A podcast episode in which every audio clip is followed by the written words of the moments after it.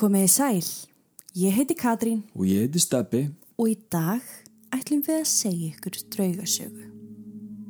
Við erum stödd í Buckinghamshire í suðaustur hluta Englands, þekkt sem Wycombe, djúft ofan í yðrum jarðar. Á stað þar sem greint hefur verið frá draugagangi í meira en tvær aldir. En þarna liggja nefnilega göng þar sem hrein ílska var viðlógandi árum saman og þessi göng voru grafin í þeim eina tilgangi að veita fólki samkomustad til þess að svala ógeðfeldum kvötum sínum og færa yllum öblum saklusar sálir sem fórnagjafir. Við erum stödd við hlið helvítis. Veri velkomin í Hellfire-hellin.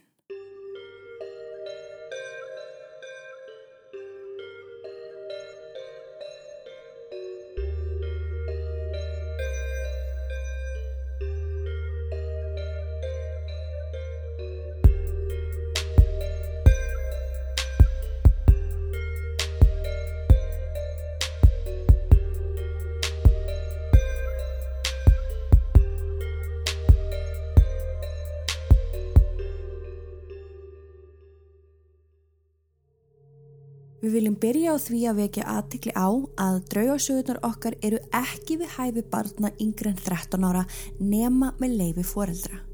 Og með því hefjum við sögu dagsins. Áður en við förum í það hvers vegna svæðið er vaktað af öryggisvörðum skulum við aðeins skoða uppbruna þess og þeirra há leinilegu samtaka sem leku þarna lausum hala. Á árunum 1740 til 50 var breskur barón að nafni Sir Francis Dashwood. Hann var lengi vel í pólitík, ferðaðist viðsvegar um Evrópu og var mikill vinur þeirra hæst settu embætismanna um allan heim. Hann hafði orð á því hversu miður honum þótti að West Wycombe, heimaþorpið hans, var í algeri niðurnýslu vegna mikill að fátæktar. En hann lumaði þó á hugmynd sem gæti bætt úr ástandinu. Hann hafði nefnilega fundið hellismuna úr krítar og kalkstein í fjallslíð í þorpinu. Hann óskaði því eftir mannabli til að móka út úr þessum helli meiri krít og kalkstein og með því vildi hann svo leggja vegi til að auðvelda samgöngur á milli bæjarhluta, bæði til þess að auka atvinni í þorpinu og sportna þannig við þessari fátækt. Ok, sérstu gleið en við erum náttúrulega árið 1700 og eitthvað. Hann borgaði hverjum sem var tilbúin til að vinna fyrir sig einn skilding á dag sem var ansi gott kaup í þá daga og Já. gátu því margir loksin séð fyrir fjölskyldum sínum. Á þessum tíma var allt gert með handabli en það voru engar gröfur eða jarðitur til. Einmitt. En miða við það, þá má með sannig segja að það var virkilega vandað til verka og bæjarbúar voru fegnir þessari atvinnu aukningu. Þetta eru reynda bara ótrúleg göng sem eru búin að vera Mhm. byggð þarna og við hvetjum ykkur endilega til að skoða myndirna sem að fylgja þættinum af því þetta er alveg magnað. Já og þetta er hellir, þannig við erum ekkert að fara að geta útskýrt Nei, fyrir ykkur rosa mikið en endilega kíkja myndirnar þannig að þið séu með okkur í sögunni. Einmitt. Eftir því sem 5 km langi vegurinn sem var verið að leggja varði þann mynd að vera tilbúin lagði Sir Francis til að upp á hólnum sem sagt undir þar sem byggingarefnið var mókað út. Já, þetta er svona eins og hóll, bara reisastór hóll. Já, er ekki rétt um að þú veist það var mókað út úr hérna til þess að búa til hallin Já. og það var mókaður hóll og hann vildi búa til hérna undir hólnum. Já. Já. Og kirkina vildi hann hafa ofan. Já, hann segir, sagt, hann, hann, hann segir það einmitt að þarna væri tilvalin staðu til þess að reysa kirkju ofan á hólnum. Já, Bara ok, já. no- nota það sem komið þarna Einmitt. út. Og upp úr því var The Church of St. Lawrence reist og einhver grafísi byggð þar í kring. Mhm. En undir kirkjunni, eða sem sagt inn í hlýðinni, var nú heilt neðanjarðar hella kerfi, göng sem voru yfir 250 metra löng sem tengdu rými við annar rými og svo enn stærra rými. Staðurinn var fullkominn fyrir samtökin sem Sir Francis var í fórustu fyrir. En þetta voru engin stjættafélagssamtök eða einhvers konar góðgerðafélag. Í þennan yfirstjættaklúb var aðeins fórustumönnum bóðið aðild. Meðlimir voru fáir en voldugir og reglan var aðeins einn. Starfseminni yrði að vera haldið lindri. Í gegnum tíðina skiptu samtökin nokkrum sinnum um nafn eins og til dæmis Order of the Knights eða The Brotherhood of St. Francis en yfirleitt bara til að villa fyrir öðrum og halda samtökunum leyndum. Já. Í síðari tíð báru samtökin nafnið The Hellfire Club. Paul Whitehead, hann var líka svona merkur aðalsmaður á þessum tíma og hann var nánasti vinur Sir Francis og hægri hönd hans í öllum svona ákvarðana tökum. Ok. Saman þá reyðu þessir pésar alveg ansi miklu en Whitehead var því fljótt að reytara samtakana og þar með meðstjórnandi.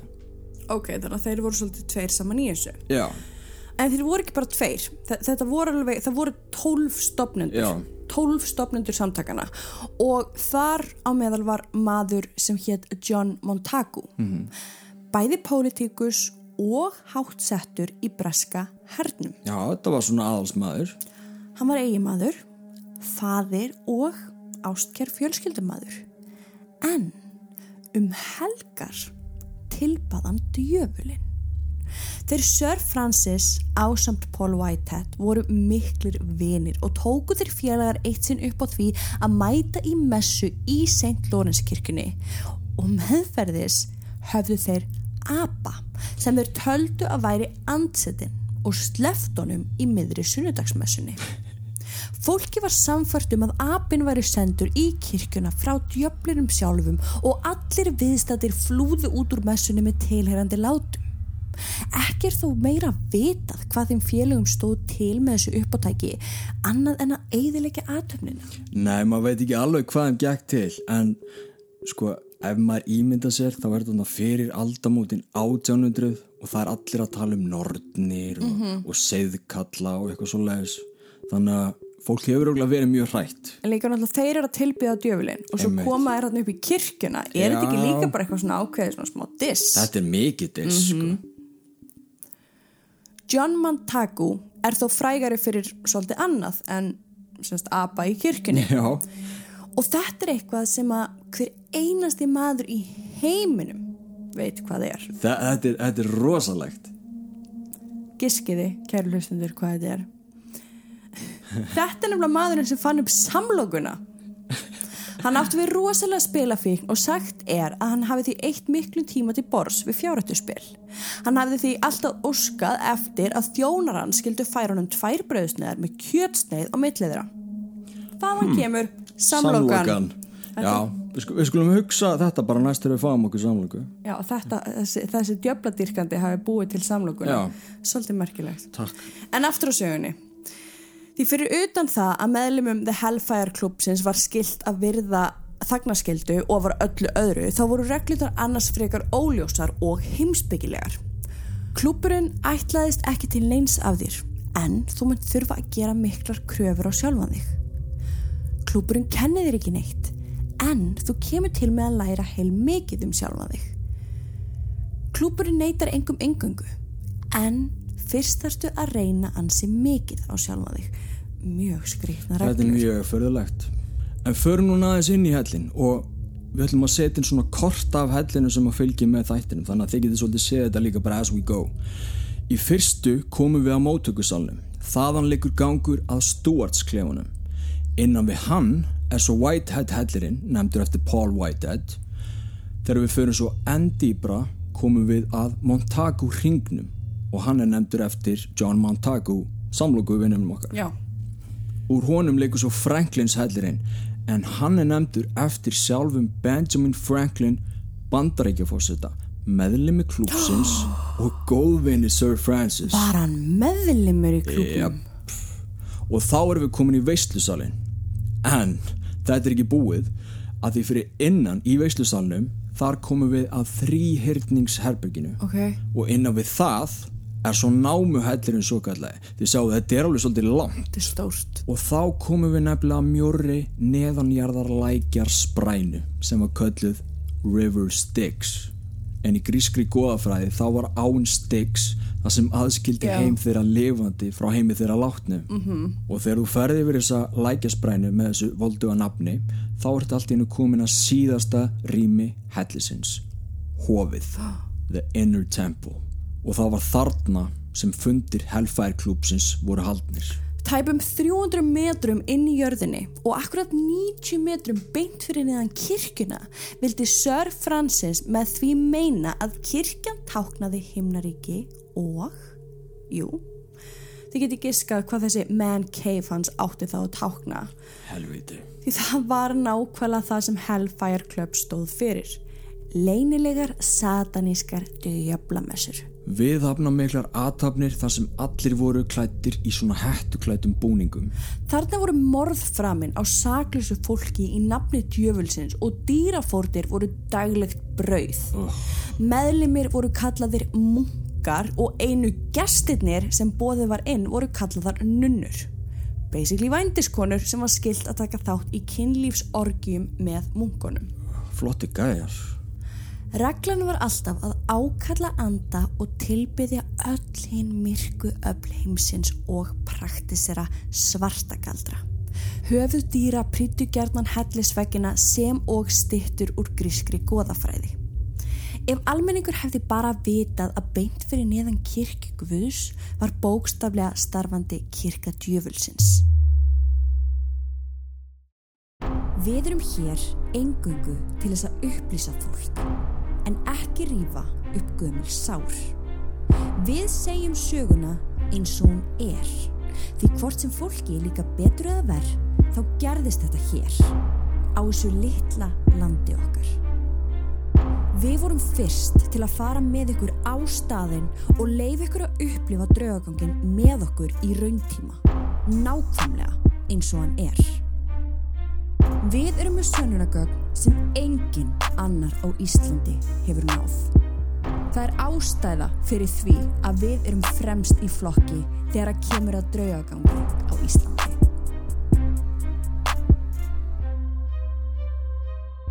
Skoðuðu áskriftarleiðirnar inn á patreon.com skástrygg draugasögur.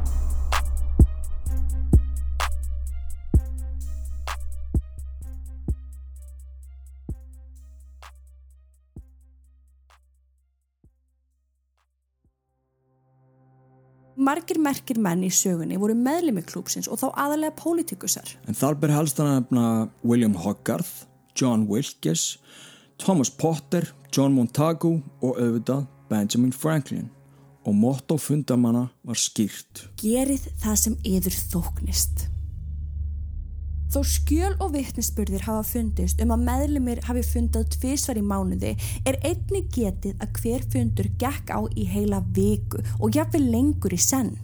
Í bókasafni Hellisins var síðan að finna stærsta safn klám efnis í öllu Bretlandi á þeim tíma. Wow. Árið 1765 hafði starfsemi klúpsins fjarað út en telja margir að þeir hafi bara fundið aðra staði fyrir aðtapni sínar og lærlingar tekið við keflinu. Og árið 1766 var Hellfire klúpurinn ekki lengur starfandi. Að minnst að kosti ekki undir því nafni og ekki í Hellfire hellinum. Mm Því hefur þó verið haldið fram að starfseminn hafi teikt út ánga sína eftir þetta og breyðst út og þá sérstaklega til Írlands og Skotlands. Þegar Paul Whitehead lést árið 1774 hafði hann óskað eftir því að hjartað hans erði fjarlægt úr líkama sínum. Það erði sett í kér sem væri svo geimt í Hellfire hellinum. Því var fyllt eftir en kérinu var svo stólið árið 1829 af Hermanni Því hefur ætti verið haldið fram að andi Paul Whitehead ráfi um hellana í leit að hjartanu sínu. Margir hafa komið auga á hann klættur í gamaldags jakkafötum en lætur sig hverfa þegar fólk nálgast hann. Sir Francis lést svo sjálfur 1781 en aðtegli vakti að frændans hafði kjölfar dauða hans stopnað aðra slíka klúpa undir öðrum formerkjum til að halda upp í heidri frændasins. Mm -hmm. Hellirinn stóð þó lengi tómur þó margir heimilislausir gerðu sér það reglulega heimkomna og á einum tíma þótti staðurinn henda ansi vel til þess að losa sig við lík.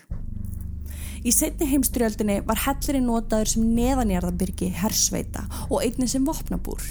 Særðir liðsfélagar breska hermana voru dregnir niður í hundruðatali, oftast bara til þess eins að deyja. Hellfire Club er þekktir víða um Breitlandsegar enn þann dag í dag og er starfseminni hátta á sveipa á máta og Sir Francis og félagi gerði fyrir um tveimur öldum síðan. Sú saga sem margir hafa heyrt um og svo sem flestir hafa orðið vittni af er sagan um kvítu konuna. Suki var 17 ára barþjótt á George and Dragon Inn veitingastanum um aldamóti 1900. Hún þótti afskaplega fögur og reyndu margir menn að fanga hjarta þessara ungu konu. En Suki vildi aðeins kynast vel efnuðu manni og giftast inn í yfirstétta fjölskyldu svo hún létt hrós frá fastakúnum staðarins bara sem vindu meiru þjóta. Hún hafði nefnilega líka verið byrjuð að hitta ungan auðmann í nákrenninu. Sá hinn sami sendinni bref eitt daginn þar sem hann óskaði þess að fá að hitta hana í Hellfire hellinum. Hann hafði beðið hana um að klæðast sínum fegursta hvita kjól og gaf það í skinn að þau varu mögulega þarna að fara að gifta sig. Hún let vaða og fór í hellin síður en um kvöldið, klætt sínu fínasta púsi og í skjanna hvítum kjól. En brefið hafði ekki verið frá ástmanni hennar. Í staðin beðinar þrýr ungir drengir í felum í myrkum hellinum og byrjuðu svo að hlæja þenni og niðurlega fyrir að falla fyrir bræðið þeirra. Suki var skiljanlega meður sín og byrjaði að kasta steinum í rekjalómana.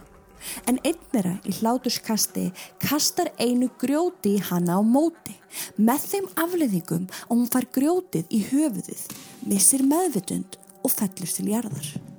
Sagan segir þá að annarkvort hafðu drengirnir borðið hana aftur á veitingastæðin en hún hafi þegar verið látin eða þá að þeir hafi orðið svo óttaslegnir að þeir hlaupu burtugöngunum og skildan eftir. En hvort sem er, þá dó Suki við höggið í hellinum. Hún hefur oft sérst í hellinum og er sögð í leit að ástmanni sínum áökjufull eða mögulega í hendarhug. Því stundum bregður hún fyrir sem ílskeiting kona sem ræðist á karlmenn sem koma inn fyrir. En oftast lætur hún döga að kasta bara steinum í fólk. Wow. Skyndilegar hitastegsbreytingar eru mjög algengar í hellunum, það sem yfirleitt er mjög kallt. Þarna kemur eðulega gríðalegur hiti í vekk fyrir fólk, svo mikill að sömur hafa brent á sér hárið við það eitt að ganga þar um. Í alvöru? Það er eins og ósynilegur kindill bregði fyrir andliti gestana og sveipaða tilfinningu finnir fólk með kuldablettum. Svífandi ljóskúlur og ringlega ljósaganir sjást líka óþægilega oft að sögn Julian Barlow sem er leiðsögumæður mm -hmm. en hún vil meina að þar sé sennilega um anda barna að ræða. Því ef börn koma með í leiðsöguferður um hellana mm. sjást ljósinn nánast alltaf í kringum þau og nást á myndum sem teknar eru af börnunum. Wow. Það er því alveg líklegt að andar barna sjáu þarna mögulega lifandi leikfélaga og reyna eins og þau geta að ná aðtiklið þeirra. En það heyrist oft í börnum leika sér inn í hellunum löngu eftir að hliðinu hefur verið lokað og læst. Í gegnum árin hafa margir einni komið auða á eldri mann í einhvers konar munkaklæðum.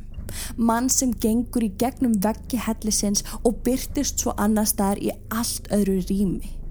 En lengi var orðrómur um að meðlimir Hellfire klúpsins hefðu grafið leinigöng í hellunum sem aðeins þeir hæst settu vissu af. Mögulega er sjálfur Sir Francis þarna enn með yfir umsjón á svæðinu. Já, getur fyrir. Allir stærstu paranormal sjómastættir hafa heimsótt Hellfire hellana og náð ansi sannfærandi vísandarlegum sönunagögnum sem staðfesta þar draugangin á svæðinu.